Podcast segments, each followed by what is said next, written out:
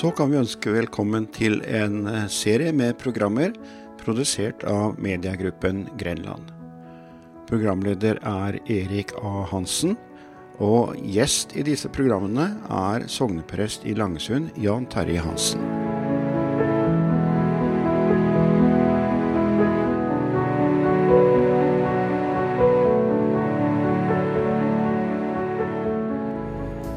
I denne nye serien eh, snakker vi med Jan Terje Hansen, nylig pensjonert sogneprest i Langesund. Og du startet sist med å fortelle om eh, din familie i eh, Kragerø, og hva de betydde for starten av baptistkirken der og vekkelsen der. Ja, det fant jeg jo da ut noen år for så vidt etter jeg var blitt kristen og prest. Men jeg jeg syns det var veldig interessant, så jeg har kikka nærmere på det. Og hun, eh, søskenbarnet til mormor som jeg fortalte om sist, da, fra Kragerø, som gifta seg med selveste pinsehøvding Levi Petrus. Og eh, i det bryllupet var, som jeg sa sist, der var både mormor og morfar til stede. Og de fikk være med på mange møter med Levi Petrus der ånden falt over forsamlingen. Og de opplevde, som de ville sagt, vidunderlige ting i, i Guds nærvær. Så, så, det at min familie har en sånn eh, skal vi si, historie, da, det syns jeg var veldig eh, spennende. Og jeg tenker at det også har hatt betydning for min del. Og eh, det med Levi Petrus, det var jo sånn at eh, Lydia, da, søskenbarnet til mormor, flyttet jo med Levi Petrus til Stockholm, der han etablerte pinsemenigheten og ble jo den grunnleggeren av pinsemenighetene i Sverige. Og kanskje Nordens mest markante pinsevenn. Eh, og så kom det brev hjem til Kragerø. Og en del av disse brevene, de har vi tatt vare på i familien, der det står at Lydia, da, hans kone, Petru, Levi Petrus' kone, var dødssyk. Og det som skjedde da, det vet vi jo fra historien, at Levi Petrus var på en møteturné. Avbrøt møteturneen da han fikk greie på at kona var, lå for døden. Og det fortelles at Levi Petrus han lå ved hennes seng i dag etter dag og ba. Og da fortelles det at eh, han skrev da sangen eh, 'Løftene kan ikke svikte', mens han lå der og våka over kona si Lydia fra Kragerø. Løftene kan ikke svikte, nei, de står evig fast. Og han holdt fast ved løftene og at Jesus hadde lovt. Og det fortelles at noen av vennene gikk inn til Levi Petrus og sa 'Du er gal'. Du kan ikke ligge her natt og da. Og han ville ikke spise, han fasta. Og plutselig så reiser altså Lydia seg opp og er fullkomment frisk. Mot alle odds, for leger og alle trodde hun døde.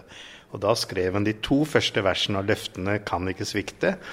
Og de andre versa skrev han når forfølgelsen var på det verste i Stockholm, og kirkefolket bl.a.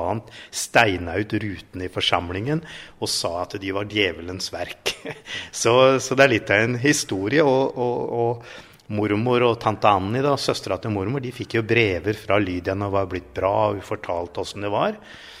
Og jeg tenker at det er utrolig interessant at jeg har en sånn familiebakgrunn, eh, vekkelsesbakgrunn fra Kragerø og fra Levi Petrus og, og det der. Og det har gleda meg mye. Og denne sangen 'Løftene kan ikke svikte' er jo en av de mest sugne sanger både i Den norske kirke, i frimenigheten, baptistkirken bl.a., og i pinsevekkelsen. Så det er interessant at uh, Kragerø og din familie er knyttet til den uh, sangen. Ja, det er det. Og, og det jeg ser, da, det er jo at eh, mamma tok jo med seg dette her. For hun var jo vokst opp i det i Kragerø. Og i baptistmenigheten og i ungdomsforsamlingen. Og, og, men hun fikk liksom ikke levd det noe særlig ut. Hun traff jo pappa, og pappa var ikke der i det hele tatt. Eh, der var det bare fotball og seiling og handelsvirksomhet og bridge og politikk. Han stifta jo et eget parti. så, så, liksom mamma kom helt i skyggen da, og, og på en måte fikk ikke formidla. Men det mamma gjorde, det var at hun passa på hver eneste kveld at jeg ba aftenbønn. det var veldig viktig for mamma. Og jeg hører fortsatt hun rope nedfra 'Terje, har du bedt aftenbønn?' og det var tradisjonen fra Kragerø som mamma hadde med seg der. Og jeg tenker at det var noe av det som slo ut den eh, sommeren som eh, vi var ute på Løveøya. Jeg var to måneder. Og, og det, vi var jo der hele sommeren. Morfar hadde jo hytte på Løveøya. Og, og, det ble et voldsomt tornevær. Og eh, jeg lå oppe og sov, to måneder gammel. Eh, de som sto og venta på ferja, alle kom opp på hytta. Det var ikke mulighet til å være ute. Var, folk hadde ikke sett og hørt et sånt tornevær i manns minne. Og så mens de sitter nede, så sier plutselig mamma at eh, jeg tror at jeg må gå opp og hente Terje. Og så gikk hun opp trappa, og så henta hun meg, og så gikk hun ned. Og så sa det pang! Og så slo kulelynet gjennom taket i hytta og pulveriserte den senga som jeg akkurat hadde lagt i. Og jeg tenker at det var, skal vi si, forbønn fra Kragerø som gjorde det mulig, og at mamma da fikk tanker fra Gud at nå må du gå opp og hente den. Tror jeg. Sterkt å høre. Vi kommer tilbake neste uke og snakker med Jan Terje Hansen.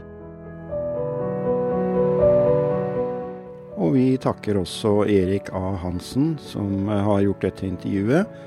Han jobber altså i mediegruppen Grenland, en eh, lokal radiostasjon i grenlandsområdet. Og vi skal få høre mer fra disse to herrene om ikke lenge.